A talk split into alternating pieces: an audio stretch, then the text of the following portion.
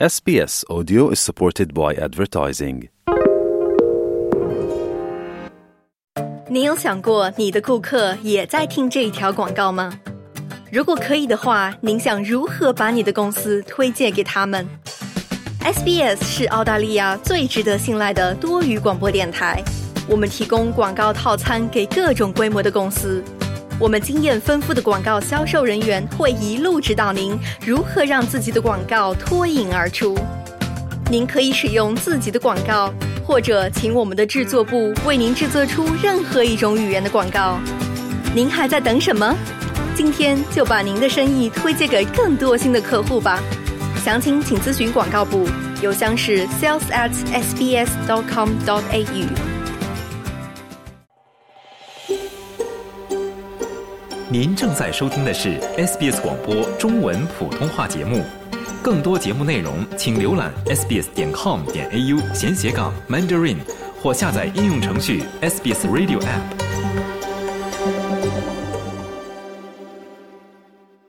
听众朋友们，大家好，您现在正在收听的是《闲话澳洲》，我是雨夜。那今天呢，我们要来和大家聊一聊一个词 “poppy” 以及它背后的几层含义。Poppy seeds 呢，其实在日常生活中是非常非常常见的。但是除此之外呢，它在澳大利亚社会上也有一些比较深层的含义。那今天呢，我们就请到了特约嘉宾 Helen Lewis 和我一起来说一说 Poppy 它背后的一些故事。Helen 您好，你好，雨夜，听众朋友们，大家好。嗯，Helen，那在日常生活中有没有来用它去做一些烘焙或者是烹调呢？的确，在澳洲很多烘焙产品里面呢，呃，是有 poppy seed，通常它会撒在上面。还有一个呢，就是跟 poppy 的绝配，很多人就觉得是呃 orange and poppy seed muffin，就是橙子的味道跟那个 poppy，很多澳洲人是是一个经典的一款，就是蛋糕点心，大家都很喜欢这个。还有呢，poppy 这个词有很多意思。大家呃可能知道 Poppy，它也是一个女孩子的名字。个人呢，我也挺喜欢这个女孩子的名字的。嗯，那其实 Poppy 呢，它从中文翻译来看，它是可以被翻译成罂粟。可能很多人都会谈罂粟而色变，但是其实这个词呢，跟澳洲的文化传统来说，都是有一个非常非常紧密的联系。那可不可以请 Helen 来给我们来说一说，在澳洲？罂粟或者是 poppy 这个词都有一些什么样的意义呢？对，因为作为就是华人文化来讲，说到罂粟，大家想到的就是鸦片，对吧？所以呢，对罂粟这一种植物呢，可能大家都没有特别好的印象。但是呢，在澳洲文化来讲呢，poppy 其实有很多不同的意思。就比如说 tall poppy syndrome，这个 tall poppy syndrome 呢，是一个大家都知道的。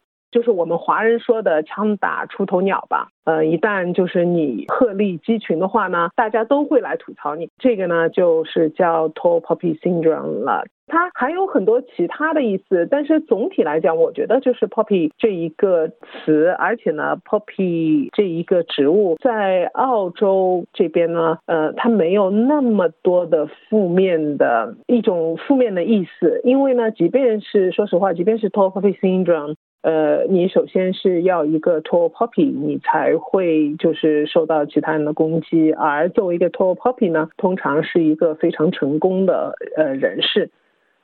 嗯，那既然说到这个 tall poppy syndrome，或者是从中文翻译来看，就是一个高大罂粟花综合征。那这个名词它到底背后代表着一些什么样的含义呢？它背后又有没有一些历史的渊源呢？呃，应该呢是可以追溯到就是希腊或者呃罗马时期记载的故事吧，因为据说呢，以以前有一位暴君向另一位暴君献计，建议对方呢就把高大的罂粟花，就是那些 tall poppy 都切掉。其实呢，他是话中有话，他的意思就是说。就是要把他位高权重的人呢都除掉，这样的话呢就可以掌握权力。因为毕竟就是作为暴君来讲嘛，当然是必须是一枝独秀，所以其他的人是完全不可以跟他们有平起平坐的那种权利。嗯，是的。那其实意大利历史学家李维在这个《罗马史》第一卷之中呢，也是描述了这样一个类似的故事。那一位罗马暴君呢，他的儿子向他写信，说是他已经占领了罗马的另外一个地方，下一步应该去怎么做？那这位暴君呢，他是走到花园之中，拿起一根棍子，用力一扫，把这个最高大的罂粟花顶部切去。那他的儿子听到之后呢，明白了他父亲的意思。那他父亲呢，就是希望他能够将占领的这个地区最具势力的人士是全部铲除，就是像刚才 Helen 说到的，要一枝独秀，不能让其他的高大的因素有一个能够出头的机会啊。那现在我们来看呢，这个典故或者是这个故事，它已经是过去了有。横跨千年的历史了。那现在我们在澳洲或者是在新西兰，经常可以听到大家说的这个 tall poppy syndrome，它到底是代表了一个什么样的含义呢？虽然说现在来说，可能跟前几年相比，我们听到这个词可能是听到的相对来说比较少一点了。其实呢，tall poppy syndrome 就是呃，在某一个领域，如果有一个人特别的成功，或者呢，这个人呢过度的高调。那么，呃，旁边的人呢就会轻一点呢，就是打击积极性；呃，说重一点呢，就是要把它铲除，因为就是看着不顺眼。俗话说得好，人怕出名，猪怕壮。呃，一旦你作为一个非常成功的、非常耀眼的一个人士的话，那么就是有一些，作为我来讲，我觉得可能是心理上不太平衡吧，见不得别人好。嗯，就觉得好像吃不到葡萄说葡萄酸，我就是要把你给铲除掉，我要最起码就是把你这个嚣张的气焰，因为在他们看来是一种嚣张的气焰嘛，把你给他给灭掉。这样呢，就是一种 tall poppy syndrome，也就是说要 cut down 的 tall poppy，就是把高的罂粟花给砍掉。我觉得近年来呢，的确我呢也有这种感觉，澳洲好像那个 tall poppy syndrome 可能比较少了一点，但是呢，我。觉得这有可能呢，跟呃现在还是比较提倡要好好的推销自己。我哪一方面特别厉害的话，我就是要告诉大家，就是要让大家知道。所以呢，很多人都会去这么做。那么同时呢，就是觉得也是习以为常了吧，所以就对那些特别高调和和耀眼的人，呃，可能也没有就是特别的觉得好像哎，你一定要把你拉到我们的水平，大家都必须是一样的。嗯，那也是非常感谢 Helen 给我们带来的有关于澳洲 cutting down 的 tall poppy 这样一种现象啊。那如果就我们生活中的事例来看，在日常生活中，我们可以怎样去辨别是否发生了这种 tall poppy syndrome 以及高的这个罂粟花被砍掉的这样一种事件呢？如果是在澳洲社会来说的话。其实呢，我觉得 tall poppy 的话，它不一定是一个人。我第一个想到的其实是 Qantas，就是澳航嘛。澳航的话呢，呃，现在就民众就是对澳航就是口诛笔伐，就想到他的那个 CEO 出来道歉。说呃有航班延误啊，航班取消啊，呃为大家带来不便。随后呢给大家五十块钱五十块澳币的券。随后呢怎么怎么怎么，但是呢大家还是对那个澳航说呃说他是言不由衷啊呃什么之类的。但是呢其实我觉得这就是一个挺好的那个 tall poppy 的那个例子。为什么呢？因为呃澳航作为一个他们一直叫它叫呃 flag carrier，因为就是等于是澳洲的国家航空公司嘛。当然了，它就是有一种鹤立鸡群的样子，但是树大招风。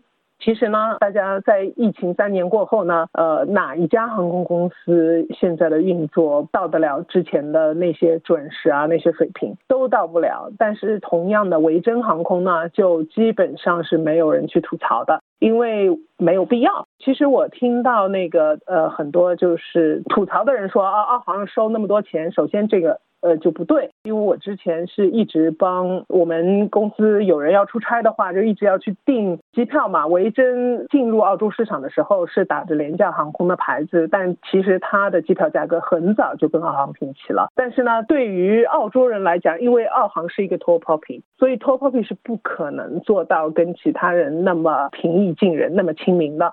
所以在很多澳洲人的心目中呢，澳航永远是一个价格非常贵的公司。因此，只要在服务上有任何的呃哪里不尽如人意的话呢，马上就遭到攻击。那个呢，我觉得也是一个拖 poppy 的例子吧。还有一个呢，就是要说到，其实刚才我们好像说到过，就是现在是不是 tall poppy 少了？其实呢，我觉得现在只是 tall poppy 这个词可能用的少了，但是呢，有一个词大家不知道有没有听到过，现在那个词呢用的比较多，呃，是一个流行词，叫 cancel culture，就是取消文化。cancel culture 呢，就是网络时代的 tall poppy syndrome。就是如果有人树大招风，我就把你给 cancel 掉。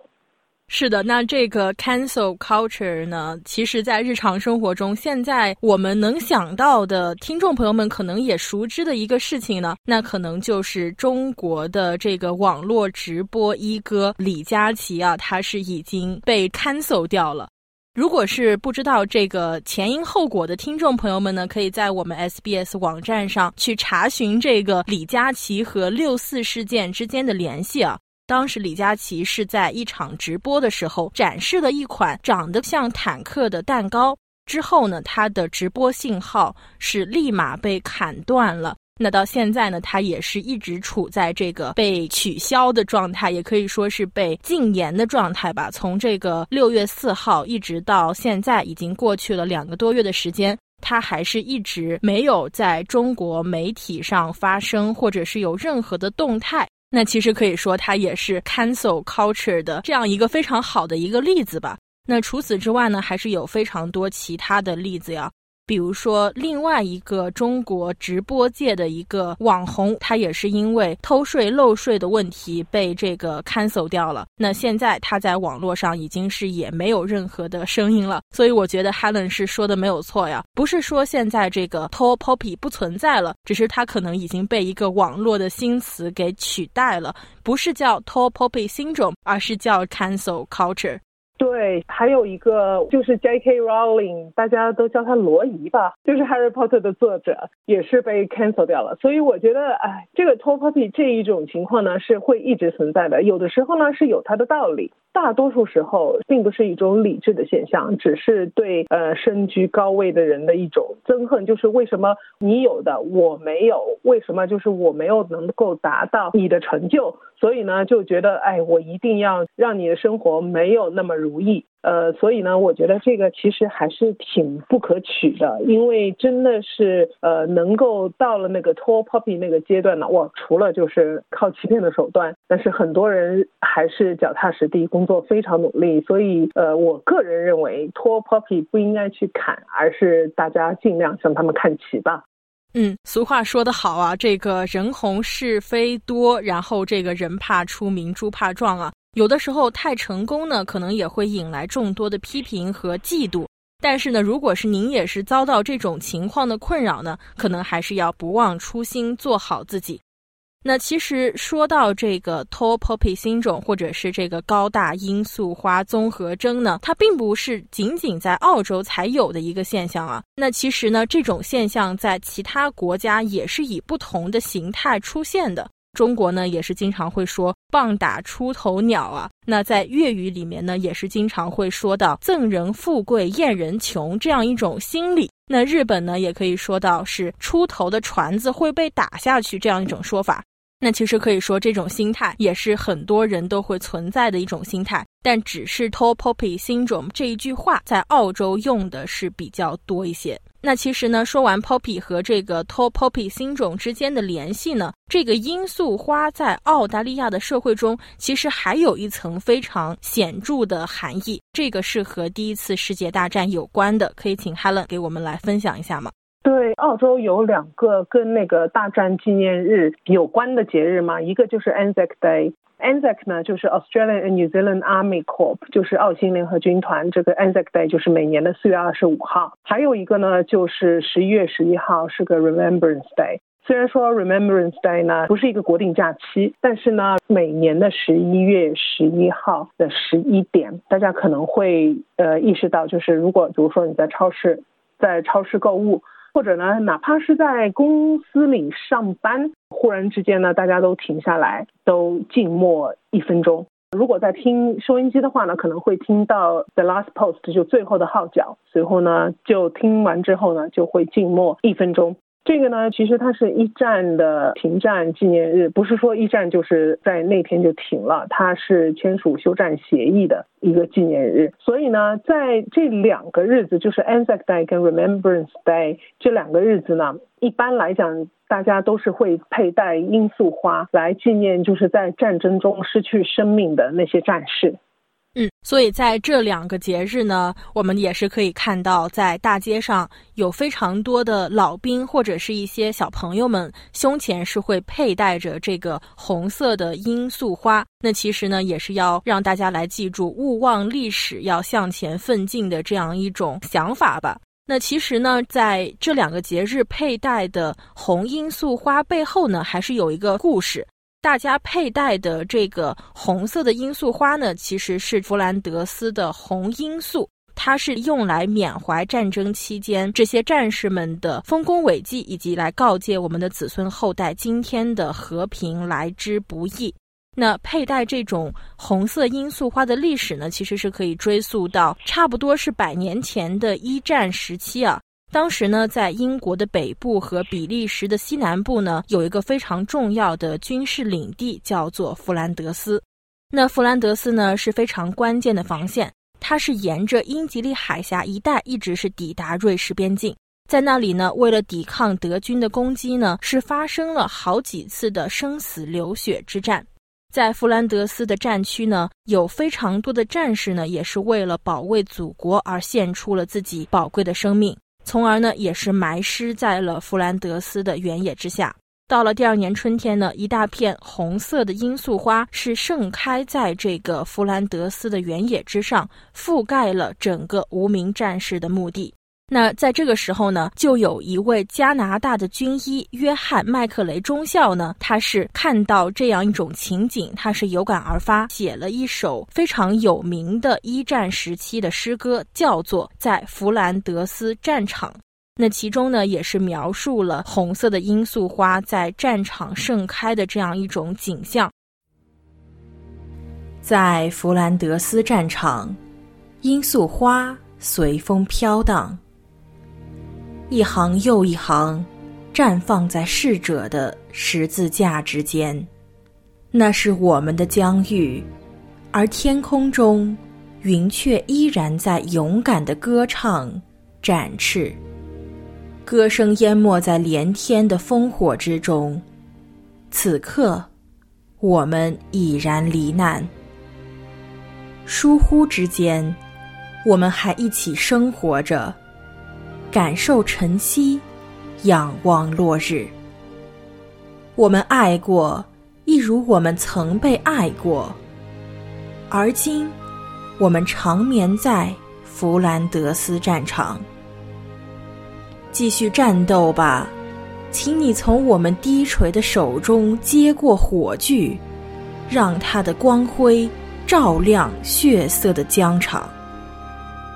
若你背弃了与逝者的盟约，我们将永不瞑目。纵使罂粟花依然绽放在弗兰德斯战场。那自此之后呢？佩戴红色罂粟花的这样一种惯例，也是开始慢慢的普及，并且是流传到了现在。那哈伦，那现在在我们澳大利亚，如果是在这两个节日佩戴这种红色罂粟花的时候，一般是要佩戴在哪些地方呢？别在胸前就可以了，或者呢，你可以如果戴个帽子的话，你可以把它别在那个帽子上，这个呢都可以的。或者呢，就是作为去，因为在澳洲有很多地方呢，有一些叫 cenotaph，就是衣冠冢。在战争中，呃，阵亡的那些军人，他们没有办法再回来嘛，所以呢，就是他们把他们的衣冠作为一个形式，呃，埋在了那里。如果去敬仰的话呢，也可以把罂粟花放在那里，或者呢，把罂粟花呢，在那些特别的日子呢，就是放在花圈里都可以。大家可以看到，就是在 Anzac Day 跟那个 Remembrance Day 这两个时间呢，都有老兵在那边卖徽章跟罂粟花。呃，很多人可能会讲，这跟我们没有关系，是澳大利亚的历史，的确是这样。但是呢，我们目前生活在这片土地上，所以呢，还是对那个历史要表示尊重的。嗯，是的，不忘这个历史，才能让我们在澳大利亚作为一个团体一起的去奋进下去。那今天呢，我们也是和大家分享了许多跟 “poppy” 这个词有关的一些澳大利亚的文化以及历史上面的知识啊，也是希望您在本期的播客之中学到了一些新的知识。今天呢，也是非常感谢我们的特约嘉宾 Helen 来和我们做相关的分享。那听众朋友们呢？如果您是想了解更多有关于罂粟花在澳大利亚的历史以及文化上的一些重要性呢，您可以去关注我们的网站 sbs.com.au 先斜杠 Chinese，以及我们闲话澳洲的播客节目。到时候呢，我们也是会在网络上发布更加详细的相关信息。非常非常的感谢 Helen，谢谢雨燕，谢谢听众朋友。想在 SBS 当一回影评人吗？SBS On Demand 正在推送配有中文字幕的热门影视作品，您只需观看一部或以上影视作品，并把影评观后感发给我们，就有机会赢得一份 SBS 精美礼品。